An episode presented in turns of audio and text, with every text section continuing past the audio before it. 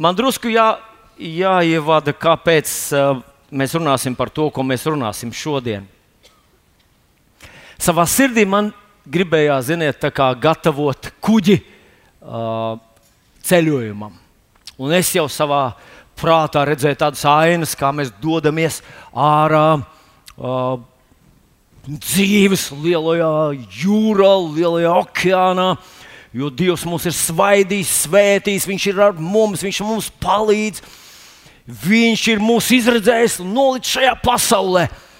Uh, nevis kaut kur zem, zem krēsla, zem galda, zem pūra, bet viņš ir mūs padarījis par pilsētu kalnā. Viņš grib, lai mēs spīdam viņa gaismu, lai mēs komunicējam pasaulē viņa mīlestību, viņa spēku.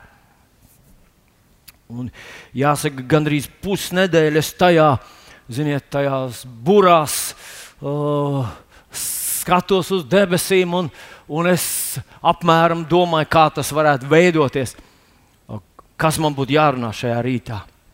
Un kaut kā tāds tāda maiga vēsmiņa, uh, kaut kā, kaut kā dzēš manas, manas lielās vētras, tos uh, apņēmību.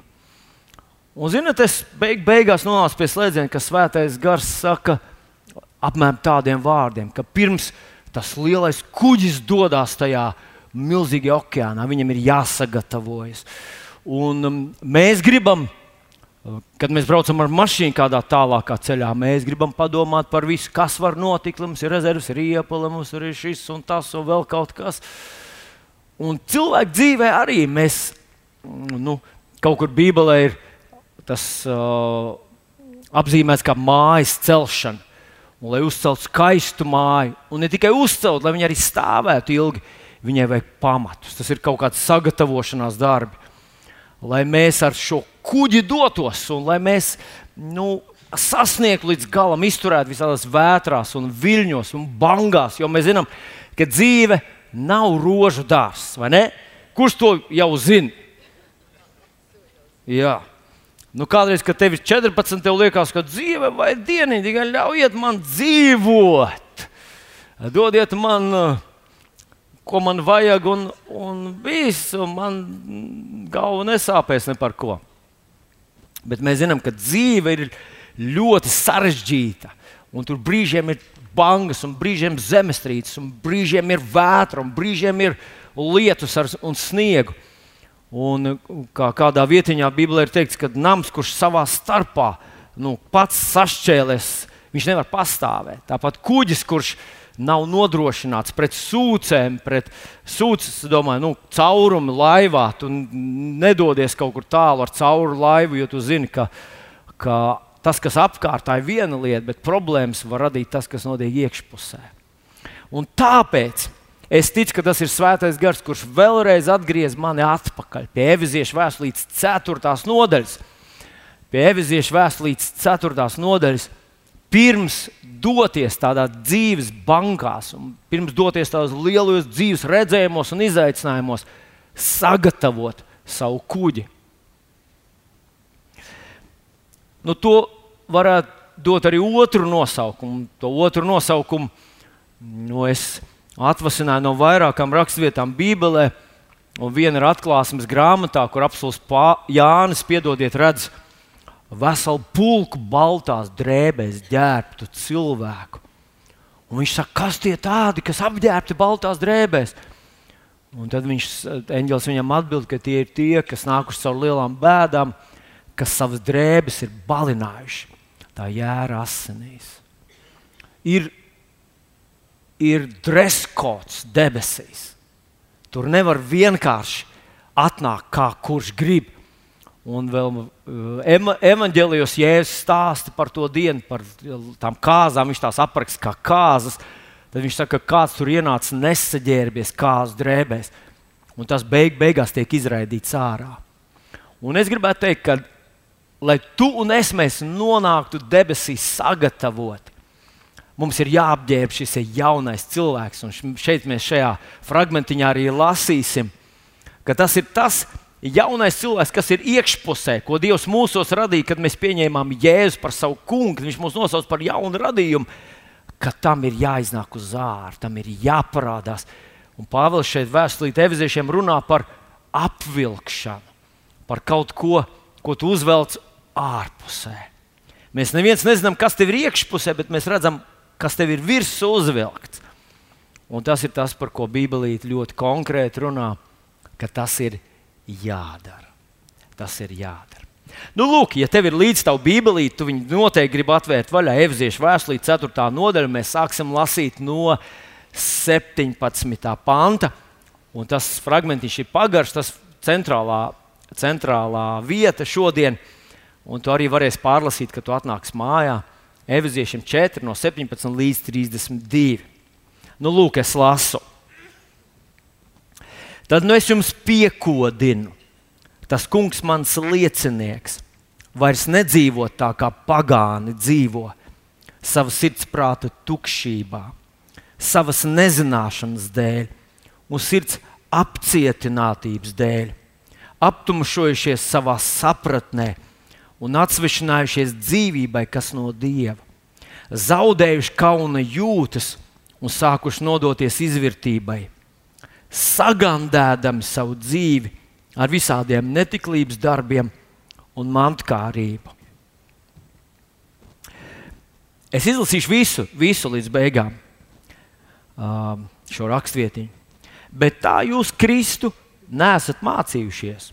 Jūs par viņu esat dzirdējuši un mācījušies tā, ka patiesība ir Jēzu, ka līdz ar agrākās dzīves veidu jums jāatmet vecais cilvēks, kas savu kārību pievilcis, iet bojā, un jāatjaunojas savā sirdsprātā, un jāapģērbj jaunais cilvēks, kas radīts pēc dieva patiesā taisnībā un svētumā. Tāpēc atmetiet melus un runājiet patiesību ik viens ar savu tuvāko, jo mēs savā starpā esam locekļi. Dusmās neapgrēkojieties, lai saule nenoriet jums dusmojoties un nedodiet vietu vēlnam, kas zadzis, lai vairs nezog, bet lai labāk cenšas sev sagādāt godīgu iztiku ar savu roku darbu, lai būtu ko dot tam, kas ir trūkumā. No jūsu mutes, lai nenāk neviens nekrietns vārds, bet tikai krietnas runas, kas draudzi ceļ un nes svētību klausītājiem. Un neapbēdiniet Dievu svēto garu ar ko esat apzīmogot atpestīšanas dienai. Katrs rūkums, ātrsirdība, dusmas, bāršanās un zaimi, vispār katra ļaunprātība, lai ir tālu no jums. Esiet, bet esiet cits pret citu, laipni un žēlsirdīgi. Piedodiet cits citam, kā arī Dievs Kristu jums ir piedevis. Nu, tā tad diezgan daudz rakstu vietu, diezgan daudz pantu.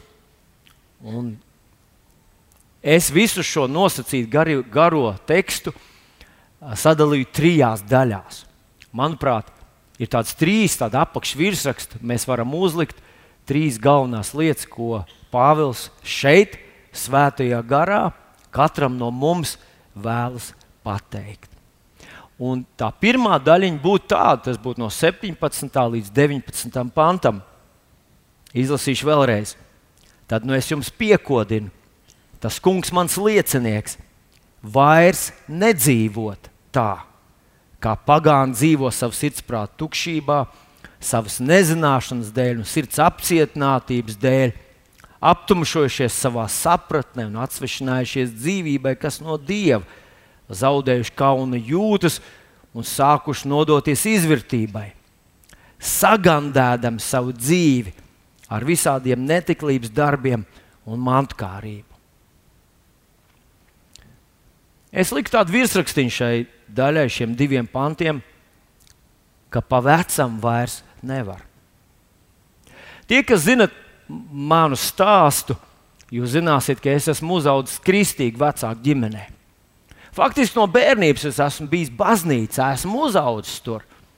Nedēļā trīs reizes, pamatā gandrīz trīs reizes mūsu ģimene devās no jūglas, no trešās jūglas uz hospitāļu un kazarmu ielas stūri, uz dievkalpojumu, uz mēģinājumu, uz lūgšanām.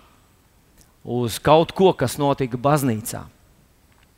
Vēlāk, kad es biju jaunietis, es piedalījos kristīgā jauniešu sadraudzībā, aktivitātēs. Tas viss bija baznīcā. Un, zinot, man nav nekāda priekšstata, kas notiek neticīgo ģimenēs. Un kaut kā ar gadiem man radās tāds priekšstats, ka bezdievi vai neticīgi cilvēki vispār paldies Dievam, ka Dievs man pasargā, ka es nepiedzimu neticīgā ģimenē. Tie taču neko nevar lāgā izdarīt. Viņi ir slikti strādnieki, slikti skolnieki, slikti vecāki, slikti bērni. Neticīgie vai Dievs tas ir sliktākais, kas ar tevi var notikt. Un priekš manis bija diezgan liels pārsteigums, kad es satikos ar cilvēkiem, kas runāja par savu vecāku ģimeni, kas bija neticīgi, ka tie bija labi, gādīgi cilvēki, mīlēja savus bērnus, uzupurējās savu bērnu dēļ, centās sagādāt labāko. Un kad uzzināja, ka bērni sak, satikušies ar kādiem reliģiskiem cilvēkiem un kaut kur viņus cenšas iesaistīt kādā draudzē, tad vecāki darīja visu, lai pasargātu savus bērnus. Lai viņi tur neietu. Un toreiz man likās, nē, nu, kaut ko vēl tik ļaunu nodarīt savam bērnam. Var tikai neticīgs cilvēks. Bet, zinot, šodien ir viens otrs mācītājs, no kura es jūs gribētu pasargāt. Ir cilvēki, kur aktīvi YouTube un visur, kur postulē savas ticības un savas pārliecības, kas, manuprāt, sen ir atstājuši veselīgas mācības pamatus un ir iegrimuši visādā jūdeismu misticismā iesāka ar varbūt kaut kādām tādām mesijāniskām domām par to, ka ebreji ir uzrakstījuši Bībeli, ka sākumā visi Kristus apstuļi ir bijuši ebreji, bet lēnām, lēnām viņi ir aizgājuši tik tālu, ka viņi vairs netic vairs bibliskam jūdeismam. Tas jau ir rabīniskais jūdeisms. Tas neko neatšķirās no tādas katoļu ticības, kad vairs Bībele ir mazšķirīga nozīme. Svarīgi ir tas, ko stāsta kāds cilvēks man gribētos jūs pasargāt no tā. Savus mazbērnus es noteikti pasargātu. Droši vien neformālās sarunā es viņiem teiktu, tas ir galīgi nojūdzies. Tas vispār ir pazaudējis sapratni par to, kas ir Kristus. Viņš ir tik tālu meklējams pēc kaut kā jauna. Redziet, kā kāda slimība ir kristiešu aprindās arī. Tas gluži kā Cilvēki, kas meklē ar vienu jaunu krēmu, kas viņus padarīs jaunākus, ar vienu jaunu procedūru, ar vienu kaut kādu jaunu dārzeni, kas, kas ir afrozodiaks, vai vēl kaut kas tur vēl, vai vēl kaut kas, kas kaut kā izmainīs mūs. Beidzot, mēs kļūsim par tiem, kas mēs nekad neesam bijuši. Tieši tāpat kristieši meklē jaunas atklāsmes. Un daži atrod Ukrajinā, daži atrod Izrēlā, daži atrod kaut kur vēl. Tā kā viens neticīgs cilvēks, ja viņš mazliet ir informēts par visu to zoodārzu, kas ir, es varbūt šodien runāju pārāk tā atklāti un tieši, bet es runāju ar savu draugu. Kā saka, ja Mārtiņš Luters nebūtu gribējis aizstāvēt savus draugus, cilvēkus no tā, ka no nu, viņiem izsūta naudu par, par uh, purgatorijas maksājumiem, uh, tad viņš nebūtu iesācis reformāciju. Bet viņš gribēja pasargāt šos cilvēkus, kas viņam bija dārgi. Tā tad es šodien varu saprast vienu neticīgu tēvu un māti, kas grib pasargāt savu bērnu vienkārši no tiem, no tiem neprātīgiem džungļiem, kuros ieved cilvēki runādam par kaut kādām garīgām lietām. Un man prieks, ka viņš te nesaka, viņš nemet akmeni vienkārši neticīgi cilvēki. Visā ir slikti. Jo katrs no mums taču zina kādu ticīgu cilvēku, kas ir slikts strādnieks, slinks. Vai ne? Vai es par tevi runāju? Katrs no mums zina kādu ticīgu tēvu vai māti, kas nebūtu nav priekšzīmīgākie vecāki. Katrs no mums zina kādu, kurš nav gājis skolā, cerējis uz Dieva žēlastību tikai beigu eksāmenā un tā tālāk.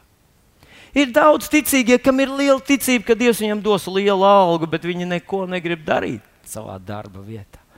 Un, zinot, nu, dienu nevar teikt, ka kristīgs cilvēks ir priekšzīmīgs cilvēks.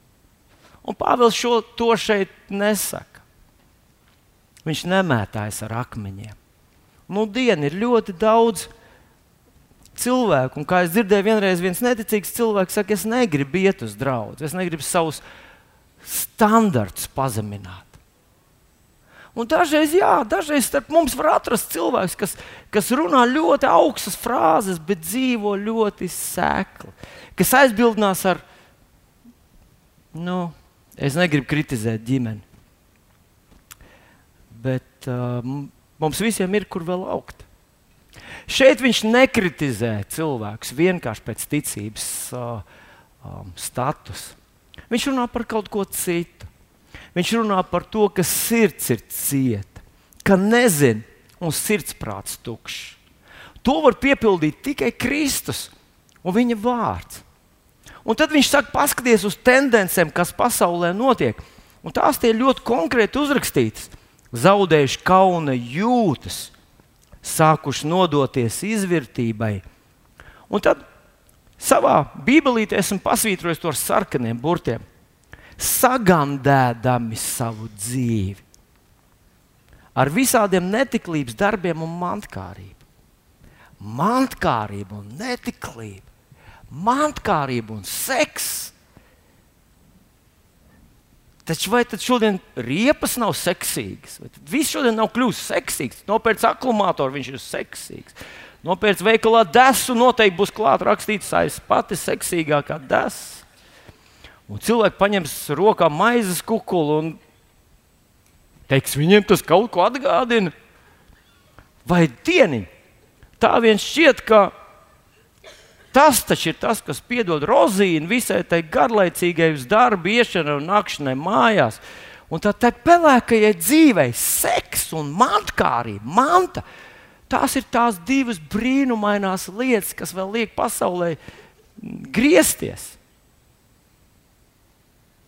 Un, zinot, gandrīz 2000 gadu Dievs centās cilvēcei pierādīt to, ka grēks nav seksīgs, ka tas nav ķirsīts uz kūkas, ka tas nav kaut kas, kas padarīs garlaicīgo dzīvi pikantāku un interesantāku un vērts eh, dzīvot, ir ko atcerēties.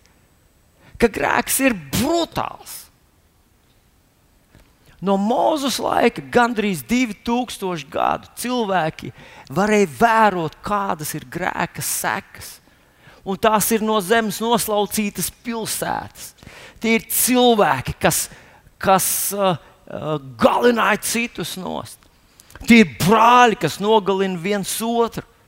Grēks ir destruktīvs. Un viņš šeit saka, sagandēdami savu dzīvi sagandēdam. Redziet, grēks. Grēks. Šodien šī pasaule, mēs zinām, kas stāv aiz grēka, aiz grēka stāv reiz kritušais Lucifers. Viņš cenšas piedot tam to oreolu, tam brīnumaino, noslēpumaino pikanto, to juteklisko oreolu tam grēkam. Tas ir tieši tas pats, ko dara makšķernieks, kad pieiet pie dīķa ar zivīm, un tad uz tā āķa uzliek kaut ko eksotisku, kaut ko seksīgu. Vai tas ir makšķernieks saka zivī, paskaties, cik seksīgi ir tas liek, ko es uzlieku uz savu āķi. Paskaties, kādu baudu tas tev dos. Kā tu jutīsies, tu visu dzīvi pēc tā esi meklējis. Saņem! Un viņš gaida. Tieši tāds ir grēks. Un cilvēki ir ļāvušies pievilt. Vai tiešām cilvēki zinot to, kādas sekas grēks jau atnesa cilvēcei, un kādas tas vēl atnesīs, vai tiešām viņi nesaprot? Pabrīnieties par cilvēkiem pēc tūkstoš gadu miera valstības, kad Mēsija būs valdījis un būs redzams cilvēkiem. Bībeli mums saka, ka vēlams tiks atkal izlaists, un viņš atkal pievils, un cilvēki ies pret Dievu ar saviem tankiem, savām raķetēm, savām lidmašīnām un saviem, saviem stroķiem. Mūsu piemānīt ir, nu, vēlams noteikti teiktu tā, ka, oi, nē, to es neizteikšu. Grēks ir brutāls, un pa vecam dzīvot vairs nevar. Manā dzīvē ir bijuši tādi brīži, kad es sapratu par kādām praktiskām lietām, ka, ja es turpināšu šo lietu, ko es esmu iemācījies, kas man šķiet darbojas, savā dzīvē es to esmu pārbaudījis, esmu aizstāvējis savas tiesības, savu vietu, savu statusu. Ja es to turpināšu darīt, tas pazudinās man. Un esmu pienācis pie secinājuma, man tas ir jāmaina. Redzi, mums katram kādreiz var piezakties tas Simpsānas sindroms, ka Dievs man mīl, man ir tik daudz dieva gudrības, un spēka un svaidījuma, ka tie citi nemācīs tikt galā ar to dalilu. Es gan. Es jau vienreiz esmu tur bijis, otrreiz esmu tur bijis, un tiem citiem tā nenostrādās. Es mācīšu ar to tikt galā. Un mēs zinām no Simpsona gadījuma, un šeit es gribētu teikt, ka katram laikam mums kaut kad ir tāds kārdinājums, ka tu jau paspēlēsies ar grēku. Tad tu jau gan jau tu zinās, kurā mirklī kā nomenedžēt to situāciju tā, lai pavisam slikti nepaliek. Un Simpsonam tas izdevās vairāk kārt. Mēs zinām, ka tur apkārt bija paslēpušies filistieši, un viņš aizmidzis tur, un viņš dabūjis to, pēc kā viņš nācis. Un ja filistieši un Simpsons pieceļās, un viņš domāja, Dievs atkal viņam palīdzēs, atkal izvedīs, viņš izies savs no ūdens, jo viņš taču ir Dieva tik ļoti mīlēts un izredzēts un svētīts. Un viņam izdodas vienreiz, otrreiz, trešoreiz. Vai tev kādreiz nav tā gadījies, ka tu vienkārši iebridi tajā grēka dīķī? Un tad, kad likās, ka lamats jau aizcirtīsies, tev paspēja, tev izdevās, tu izkāpi, nopurinājies un teici, laikam tomēr es esmu labāks par visiem tiem, kas tur vēl sēž svētdien. Man izdodas. Tad vienā dienā viņam tas vairs neizdevās. Jā, bet Vilni, Vai tad tu pats nemācīji vairāk kārt, ka Dievs vairs šodien nesoda par grēku? Dievs nesoda par grēku. Visu sodu par grēku viņš ir uzlicis Jēzum Kristum. Viņš tagad ir tas, kurš izciet visu. Man nebūs jācieš. Es varu darīt tā, kā man, nu, tā kā man, tā kā man ļoti gribās. Man tā ļoti gribās. Man tā liekas, tas ir baigi forši. Un viss tas, vis tā, visa tā atmosfēra ir tieši tā, ka nu, nu, Delilai es arī patīk. Delilai ļoti es patīku. Un es eju pie Delilas, un mēs esam tāds, tāds mīlestības ugunskurs mums tur ir. Ha! Un Dievs taču nesodīs man, vai ne, Vilni? Vai ne? Jā. Un zini, kāpēc Dievs nesodīs? Jo Viņš to sodu, ko tu būtu pelnījis, Viņš to izgāza par jēzu. Es vienreiz dzirdēju vienu katoļu mācītāju, kurš tā aizgūtnēm runāja par to, ka katrs tavs grēks ir vēl viena nagla Jēzus rokās. Cik naglas jau tu esi iesitis Jēzus rokās? Un es domāju, ak, Dievs, viņš grib pasargāt cilvēkus, lai viņi negrēko.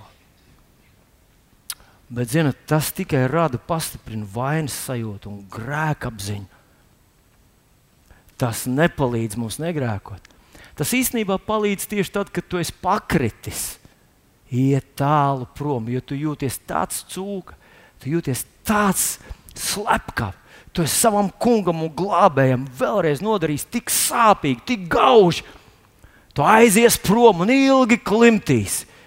Līdz pēc daudziem gadiem tu nāksi atkal atpakaļ, kad viss ir sagrūvis, kad dzīve ir sačakarēta, kad no dzīves ir palicis tikai maza, maza astīte Tu nāks atpakaļ, līdīs uz vēdra, ar vainas sagrausts un teiks, Jēzus. Un mums tā vien liekas, ka tas ir vienīgais, ko Jēzus no mums gaida - grēka nožēla. Nē, draugi, tā tas nav. Ir ļoti tāda spilgta raksturvieta, kur, kurai mēs nevaram daudz laika šodien veltīt. Bet viņi mazliet atgādina to situāciju, kurā dzīvojam mēs ar tevi. Un tas ir vecās derības laikā no Ādama līdz Mozum, kad vēl nav bauslības. No Ādama līdz Mozam tas ir uzrakstīts Romas vēstulītē, 5. nodaļā. Un es lasu no 12. panta. Nāve valdīja arī no Ādama līdz Mozum. Tā tad, uh, jā, piedodiet, es lasīšu no 13. panta. Jo arī līdz bauslībai pasaulē bija grēks, bet grēku nepielīdzina, ja nav bauslības. Bet nāve valdīja arī no Ādama līdz Mozum pār tiem, kuru grēks nebija līdzīgs Ādama pārkāpumam. Viņš cenšas pateikt, ka kamēr nebija vēl bauslības, nebija tiešu pavēļu un tiešu aizliegumu, cilvēki darīja mazāku grēku kā to, ko izdarīja Ādams. Nu, ko tad izdarīja Ādams? Kāpēc viņa grēks ir lielāks? Dievs konkrēti viņam teica, nē, es no tā koka. Vēlams viņam teica, es no tā koka. Un viņš ne tikai nepaklausīja Dievam, viņš paklausīja vēlnam, līdz ar to deva vēlnam varu savā dzīvē. Bet atcerieties, no Ādama līdz Mozum, un tie, ja es pareizi atceros, tie bija drusku vairāk kā 2000 gadi. Nav tieši aizlieguma, nav tieši pavēļa. Un līdz ar to, kā šeit apstults Pāvils, mums saka, ka Dievs nepielīdzināja grēkus toreiz. Un tomēr nāve valdīja to cilvēku dzīvēm.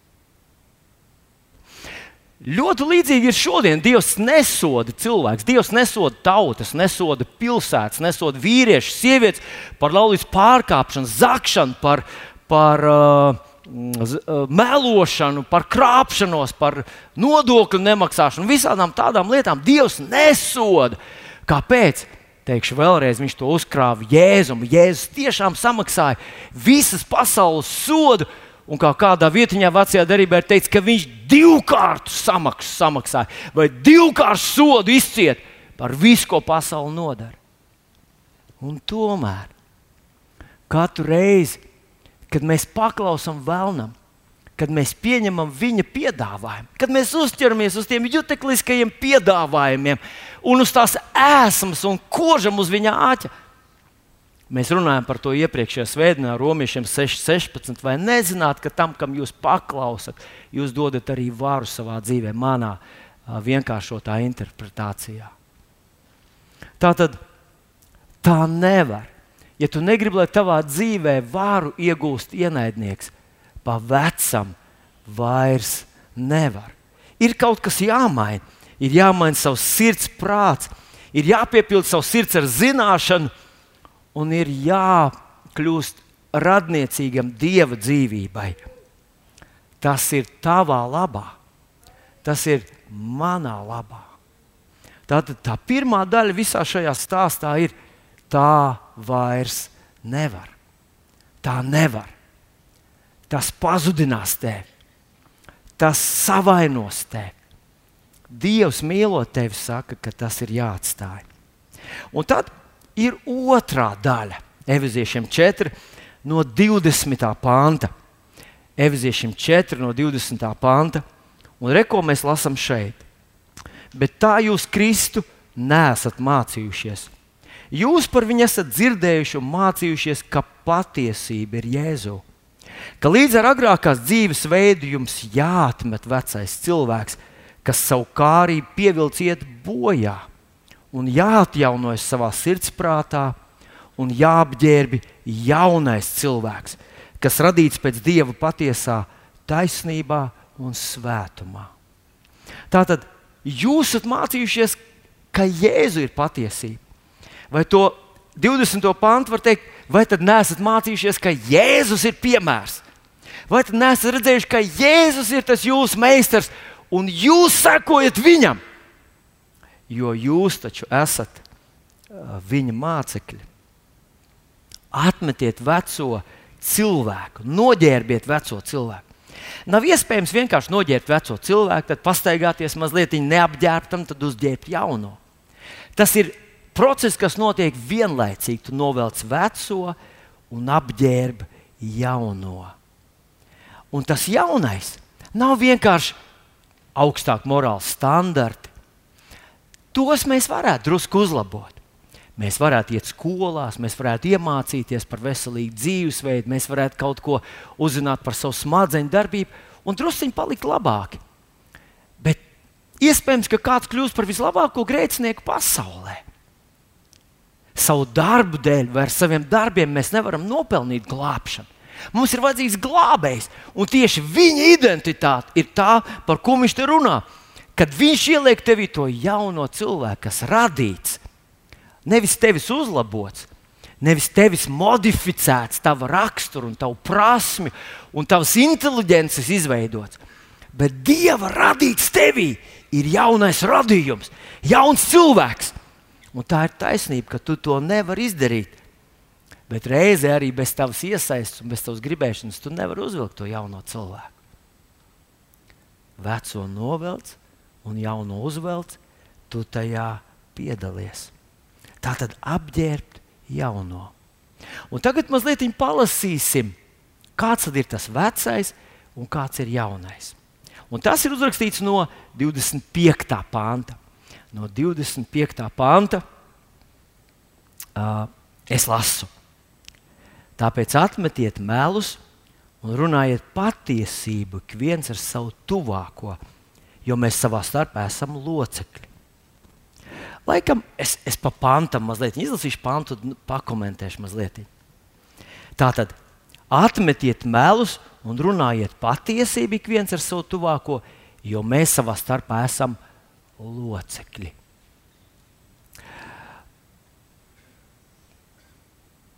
Tas nozīmē, ka vecais cilvēks meloja. Dažādu iemeslu dēļ. Tā vienkārši ir izdevīgāk tajā situācijā, ērtāk. Neviens nesatrauksies.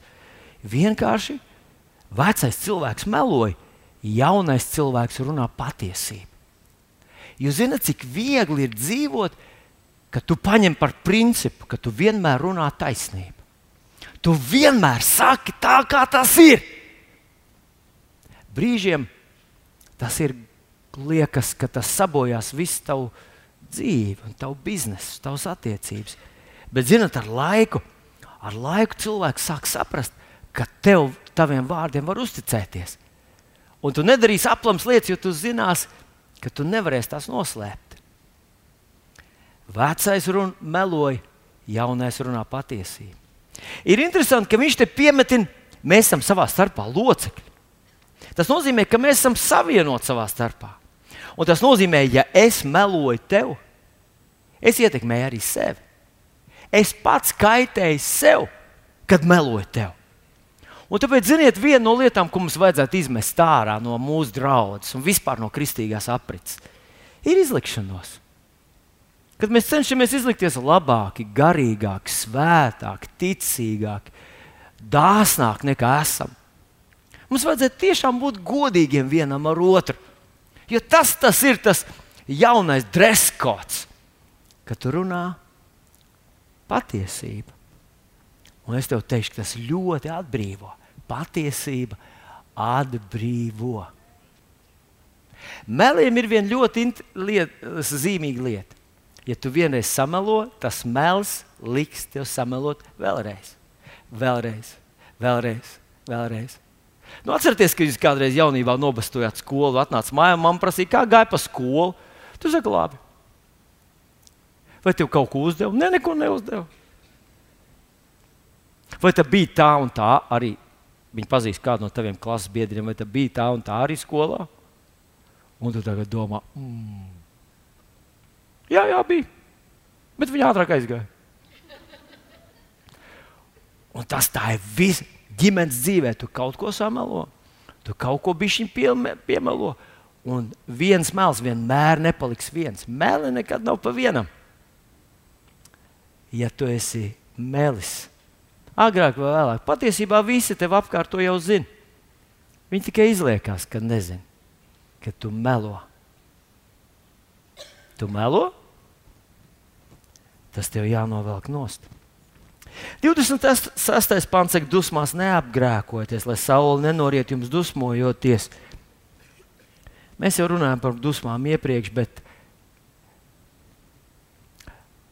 tu vari dusmoties līdz vakaram. Mums ir tik īsas dienas, vai ne? Kā saule noriet, tev ir jānokārto dusmas. Dusmas ir demonisks svaidījums. Un varbūt tu savā dzīvē pieredzi dusmoties. Tas ir kļuvis par daļu no tavas personības. Tas ir veids, kā tu atrisini situāciju, veids, kā tu risini konfliktu, veids, kā tu saliec visu pa vietām. Tu sadusmojies savā darba vietā, tu izbļausties, un tev vairs nevienam nekas nav jāpierāda. Tu vienkārši pabļausties drusciņu, un viss. Tas ir tavs lielais arguments. Sievas, vai nav viegli manipulēt ar vīru, jūs vienkārši esat dusmīgs? Pagriežat muguru, neatbildat, vienkārši braucat, vienkārši, vienkārši šņācat pie sevis kaut ko. Nedariet tā dusmas. Cilvēku dusmas nesagādā dieva taisnību. Tās neko labu jūsu attiecībās neizdara. Nu, protams, ka mēs visi sadusmojamies kaut kad. Bet tajā mirklī mums jāsaprot, ka tas ir ātri jānokārto. 27. pants saka, nedodiet vietu vēlnam. Mēs jau runājam, ka vēlns ir ļoti prasmīgs zaglis, slepkava un grāvējs. Tu negribi, lai viņš to dara. 28. pants, kas zādzis, lai vairs nezog, bet lai labāk cenšas sev sagādāt godīgu iztiku ar savu roku darbu, lai būtu ko dot tam, kas ir trūkumā. Tātad vecais cilvēks zaga. Jaunais cilvēks cenšas sagādāt, lai būtu ko dot. Ļaujiet man pieskarties mūsu draudzes uh, sapulcei. Mēs visi atnācām kā vecie cilvēki. Un no sākuma mums bija viena interese, ko paņemt. Pareizi? Kā paņemt? Mēs skatījāmies uz to, kā no šejienes nu, pēc iespējas vairāk. Es nelietošu vārdiņu nozagt. Lai gan Malahītā raksta pareizi, kāpēc jūs apzogat Dievu un kā mēs apzogam Dievu ar desmito un ziedojumiem. Paskaties, vecais cilvēks, kad viņš atnāk, viņam tas tā kā, nu, tā kā tāda sāpīga tēma. Viņš nevar ciest līgi, jo līgi pamatā vienmēr uzkāp šeit un sāk runāt par ziedojumu un par to, cik tas ir brīnišķīgi un tā tālāk. Mēs to dosim, aleluja, desmito un vēl kaut ko. Un tad domā, hei, būtu brīnišķīgs dievkalpojums, ja tā līga mūžīgi mūs neuzbāktos. Un tad tie vīri, kas tur nesā apkārt tos maisiņus, nu, pff, jo kaut kas mūsu dabā bija tāds, mēs visur, kur mēs aizgājām, mēs gribējām paņemt. Mēs gribējām pēc iespējas vairāk paņemt. Vai tā viss biznesa nesāk? Kāpēc? Vai jums ir kādreiz gadījies, ka jūs kaut kur iesaistāties ar kādu cilvēku un jūs jūtat, nu, ka ko arī katrs jūsu klep, ieklepojiens būs vēl lielāka cena. Nu, jums pēc iespējas vairāk cenšas paņemt. Bet tagad mēs esam jauni cilvēki. Un jauni radījumi, viņi cenšas dot. Iedomājieties, cik radikāli pārmaiņa. Agrāk tu biji zaglis, es ne par tevi, es runāju par ap, abstrahējoties no konkrētas situācijas. Agrāk viņš zaga, Tagad viņš strādā, lai viņam būtu ko dot. Un jūs nevarat, es domāju, ka jūs nevarat iedomāties, cik ļoti dārgi maksā uzturēt šādu māju. Kādi tūkstoši mēs maksājam tiem cilvēkiem? Mums ir trīs cilvēki, kas tikai Katru dienu tehniski tur kaut kur kaut kas ir pārdedzis, kaut kur iesprūdis toaletē, kaut kāda tur kaut kas ir sagājis, tur, de, tur nolauzts tas, tur izdarīts tas, tur kāds ir eh, nolauzts roku, tur, tur, tur vairs lampiņa nedeg, tur kaut kas uh, beidzies ir tur, tur. Visu šo saimniecību uzturēt, tas ir ļoti, ļoti dārgi. Un īsnībā, kā cilvēks, kurš šādi uzmet aci mūsu, mūsu bilancei, Man ļoti gribētos, lai mēs vairāk uzvelkam to jauno cilvēku. Draudz, mums vēl ir kur augt. Vēl diezgan daudz šajā ziņā ir vecie cilvēki ar veciem paradumiem, kas atnāk, lai paņemtu.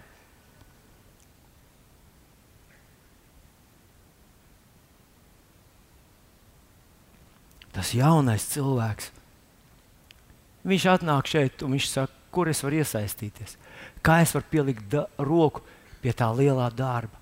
Un vai zinat, mūsu vidū ir brīnumaini cilvēki arī tādi. Cilvēki, kas nāk nedēļas vidū, cilvēki ar augstāko izglītību, cilvēki ar maģistra grādiem, kas nāk un sūta šo lielo zāli, kas tīra kopi, kas palīdz mums. Bez tā visa mums ir divas pilna laika cilvēki, kas tikai tīra, mazgā un kopja. Ja nebūtu šo brīvprātīgo, tas būtu pavisam gandrīz neizdarāms darbs. Bet es gribētu, lai tu uzmet acis savam apģērbam, cik daudz jau ir jaunais un cik vēl ir vecais. Tātad, kas zādzis, lai vairs nezog, bet lai labāk cenšas sev sagādāt godīgi iztikt ar roku darbu, lai būtu ko dot tam, kas ir trūkumā. No jūsu mutes, lai nenāk neviens nekrietnes vārds, bet tikai krietnes runas, kas raudz ceļu un nes svētību klausītājiem. Mēs jau runājam par to, ka tavs vārds var kādam sašķobīt ticību, vai stiprināt, vai svētīt viņu.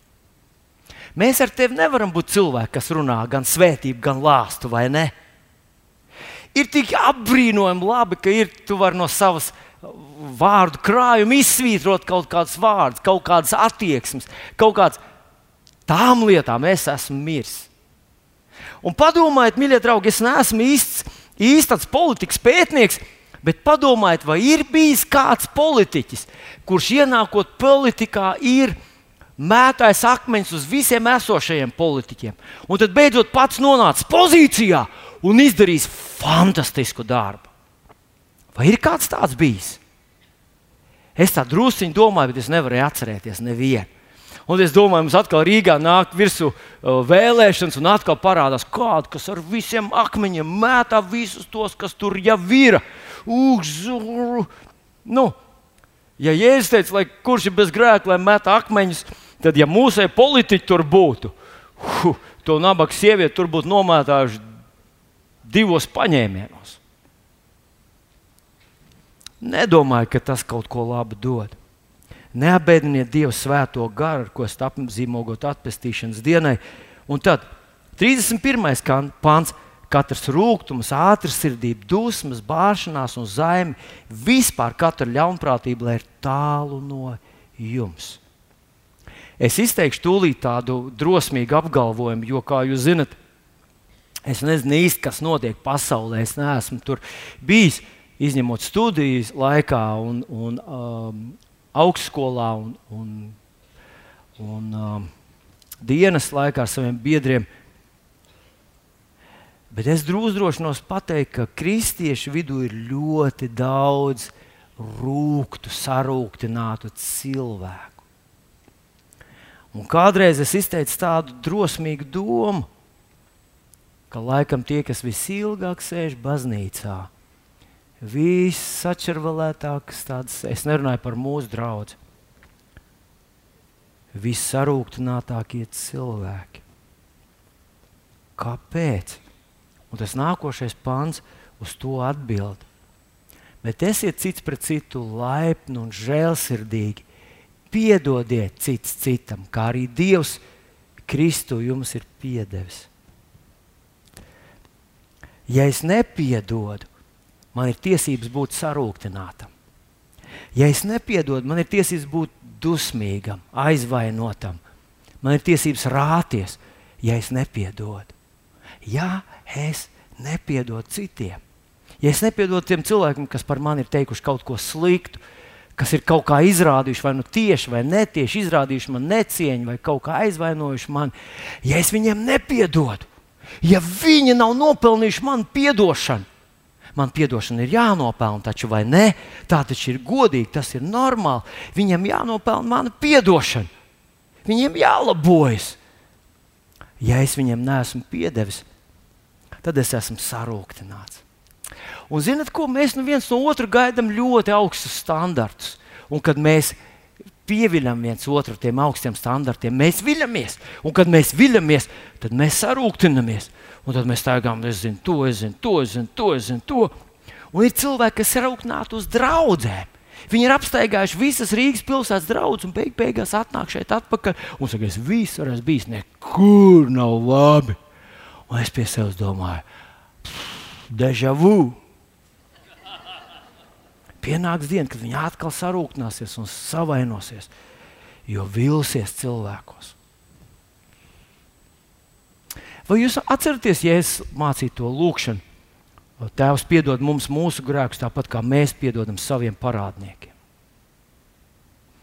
Ziniet, es izteikšu tādu drosmīgu domu, kuru, ja tas attiecās uz tevi, tu vari apgāzt. Viņi var būt. Ka tie cilvēki, kas nepiedod citiem, iespējams, ka viņi nemaz nav pa īstam glābti. Jo, kad tu esi glābts, tad tu saprati, kas tev ir piedots.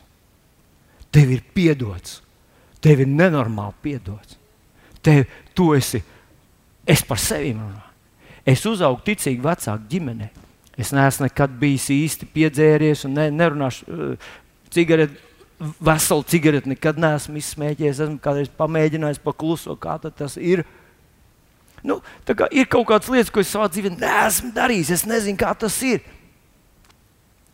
Bet, kad es nācu pie Kristus, man bija 11 gadiņi. Man bija sajūta, Dievs, es neesmu darījis neko daudz, bet es ļoti esmu gribējis to izdarīt. Un pēc Dieva standartiem tas ir tas pats, kā tu to būtu darījis. Un es teicu, esmu vislielākais grēcinieks. Man ļoti, ļoti žēl. Kad cilvēki man kaut ko nodara, man, protams, sev ir jāatgādina. Bet Jēzus to stāstīja tajā līdzībā par to kalpu, kuram ķēniņš piedeva divu miljardu apmēram viņa parādu. Tas bija divi miljardi. Nu, retam, kuram nu, es, es skatos, nu, dažiem ir divi miljardi kontā. Es vakar vēl pārskatīju jūs kontus, bet nu, daudziem nav. Un tad, kad viņam atveda to viņa darba biedru, kurš bija viņam parādā 2000, mēs varētu salīdzināt tās proporcijas. Viņš tur tu man visu atdos, tu man nopelnīsi, man piedošanu, tu atstrādās to visu, pārdos tev verdzībā, tu maitu tāds, tu šitā man nodarīji. Piedodiet cits citam. Ziniet, draudzē, kur cilvēki piedod viens otram, piedod viens otram viņu nepilnības. Un mēs esam nepilnīgi cilvēki. Ziniet, kā ar mūsu grēkiem ir tā kā, tā kā ar manu frizūru. Tie bija kad vairāk gadu atpakaļ. Es sēdēju pie frizieres. To, tajā laikā es gāju uzticīgi pie vienas, pie vienas tādas uh, vidējos gados dāmas. Un vienreiz viņa man saka, ja tā turpināsies, jums drīz būs kā mūkam, tur tāda nu, saulīta. Es sēžu, skatos spogulī un es domāju, es redzu savus matus, un es pie sevis padomāju, cilvēks ar tik sliktu redzi nevar strādāt par frizieru. Tā bija pēdējā reize, kad es viņ, pie viņas biju. Tie bija vairāk gadu atpakaļ. Es iedomājos, par šiem gadiem viņai tā redze vēl sliktāk palikusi. ja es aizietu tagad pie viņas, viņa teiks, vai jums tā kā pāvestam var būt? Un es taču sevi redzu, skatos uz sevi spogulī. Man, es domāju, kā man tie šampūni ir ļoti izmainījušies. Padomu laikā, kad es izmazgāju, uu, tagadējie ja šampūni man kaut kas ir jādara. Lai... Un tieši tāpat mēs visi sevi redzam. Mēs sev vērojam, mēs taču pamatā rīkojamies ļoti loģiski, ļoti racionāli. Un rēti, kad mēs kaut ko pārspīlējam pareizi. Bet tā friziera aklā, vai, vai tā sieva aklā, vai tas vīrs vai tie kolēģi, vai tie draugi cilvēki. No draugiem mēs jau nevienam neko nesakām. Vai dienā sāksies? Nesaka neko.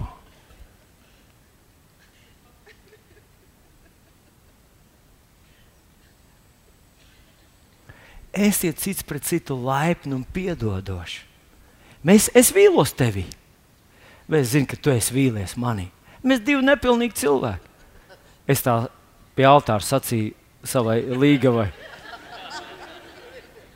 Nē, toreiz es biju dienā, tu esi uh, saulēkts, tu esi pilnība, tu esi. Es... Mēs visi šeit esam nepilnīgi cilvēki. Citam ar darbs nepatīk, citam nepatīk kaut kas vēl. Bet mēs esam šeit visi kopā, lai mēs novilktu savas vecās drēbes un apvilktu jaunās. Jaunās. Lai mēs kļūtu par tiem, par kuriem Kristus mūs ir radījis, lai mēs būtu. Lai mēs nedotu ienaidniekam vietas. Hei, atcerieties, ka grēks tai pašā brutālākajā veidā viņš nāk, lai sačakarētu tavu dzīvi, lai uzsēdinātu tevi uz āķa lai tu samaksātu vairāk, lai tas tev paprasītu ilgāk, lai aizvestu tevi tālāk, nekā tu gatavojies iet. Un, ja tu gribi, lai tavs kuģis aiziet līdz galam, ja tu gribi, lai tavs kuģis netiek satriekts pret uh, klintīm, tad tu negribi grēkot. Tu negribi grēkot. Tu un es Mēs negribam grēkot. Jā, bet es jau neko nevaru. Es jau, es jau, mēs jau nevaram neko. Es jau mani tas grēks paņem un, un, un pirmdienas rītā izrauju no gultas un, un tikai sestdienas vakarā palaiž vaļā. Bet tad Bībelē nebūtu rakstīts, lai mēs negrēkojam, lai mēs esam laipni, lai mēs piedodam. Ja tiešām tas tā būtu, ka mēs ar tevi būtu nevarīgi pār sevi, pār savu personību, piedodoši. Vai tiešām tu gribi apgalvot, ka tev ir nodarīts kaut kas tāds, ko tu nevari piedot?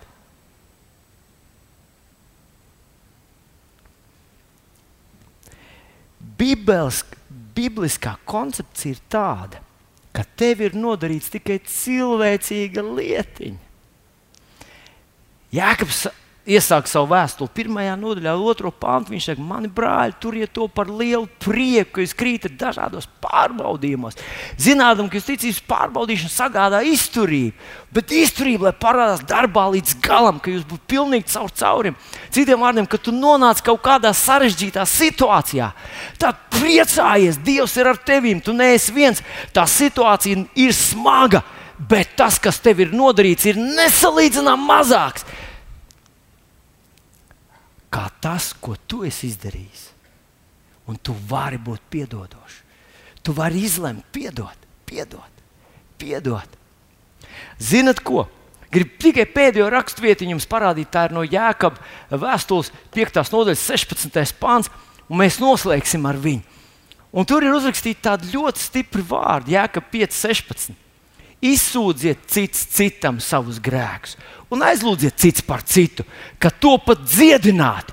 Un tad viņš saka, daudz spēj taisnīt cilvēku lūgšanu, uh, darbodamās savā spēkā.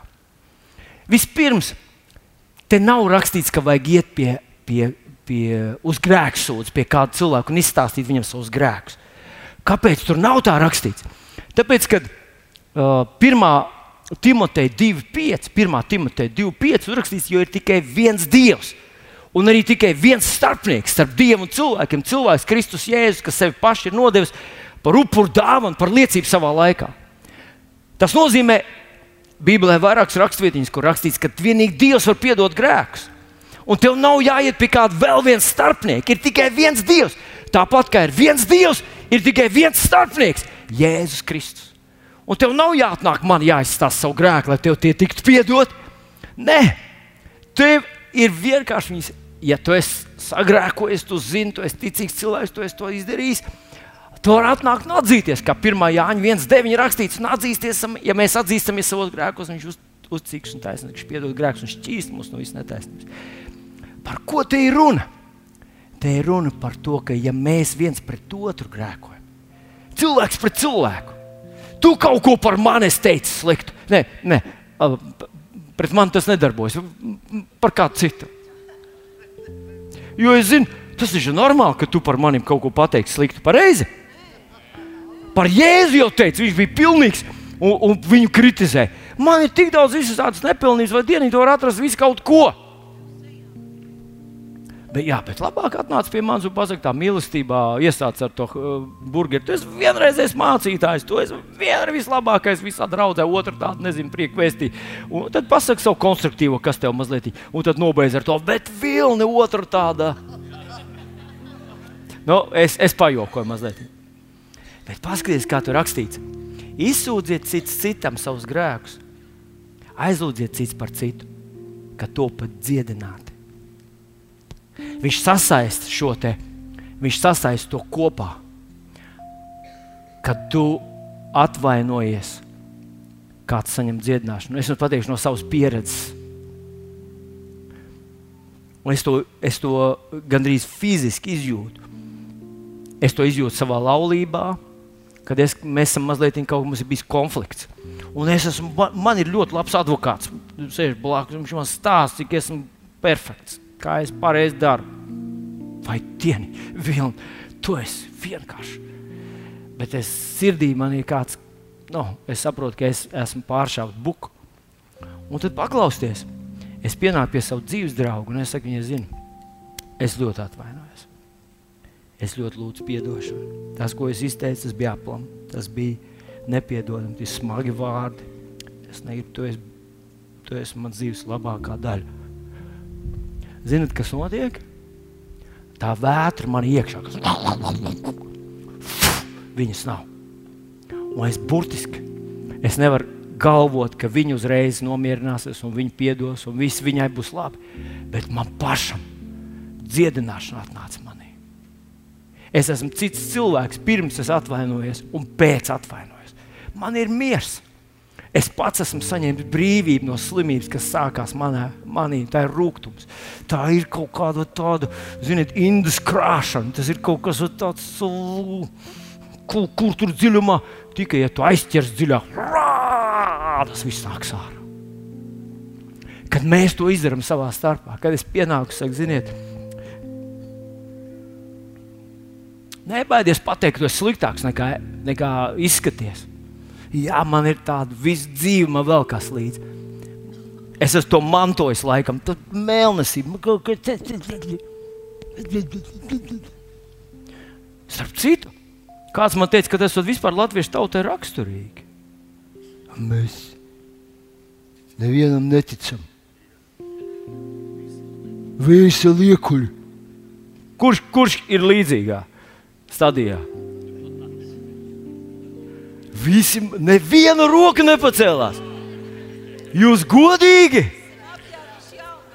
paklausieties, malači, malači. Es ik pa laikam dzirdu par cilvēku, kurš tev stāv blakus un smaida, un pēc tam aiziet citur un tādu indigāžu ārā. Es saku, hei, kāpēc tu man nepateici, ka tev tā nepatīk, ka es tev aizvainoju, ka man smaržas ir iebīgs vai kaut kas vēl? Kāpēc tu man to nepateici? Es būtu sagramojis to, es būtu izmainījis, būtu smaržs izsviets ārā, es būtu darījis kaut ko. Kāpēc tu to darīji? Tu būtu atbrīvojies no mēlnesības, būtu atnācis pateikt, Vilni, man es nevaru ciest. Mums, mums ir, ir tāds viens puisis, kurš ik pa laikam ir. Viņ, viņu tracina, ja es pasaku, katrs ik viens. Ja es pasaku, katrs ik viens, Viss. Viņš teica, es vairs nevaru klausīties tālāk, tas ir absolūti analfabētiski. Jau katrs nozīmē ik viens. Ja tu saki, katrs ir viens, tā viņš tālāk vairs nedzird. Ko? Katrs viens. Katrs viens. Pareizi tas jāsaka, katrs viens. Ai, labi, liec. Un viņš man to saka. Un es kādreiz ieskrēju, es saku, katrs ik viens. Un es domāju, pats atkal trāpīja puikam. Nu.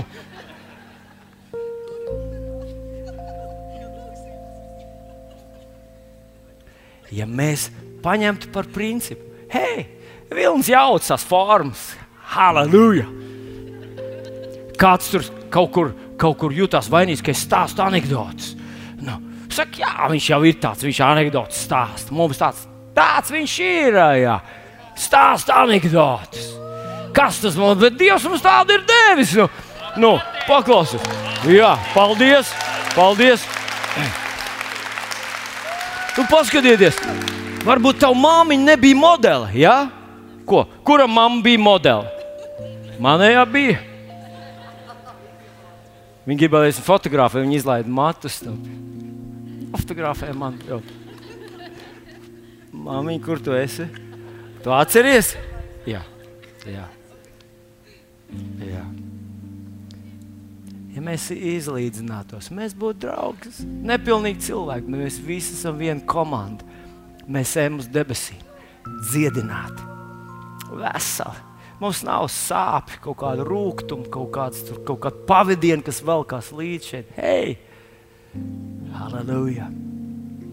Novelc veco cilvēku, apvelc jauno. Tu dzīvos daudz drošāk. Bēlns netiks tev klāt. Tavs dvēsele būs droša, un tu droši virzīsies uz priekšu.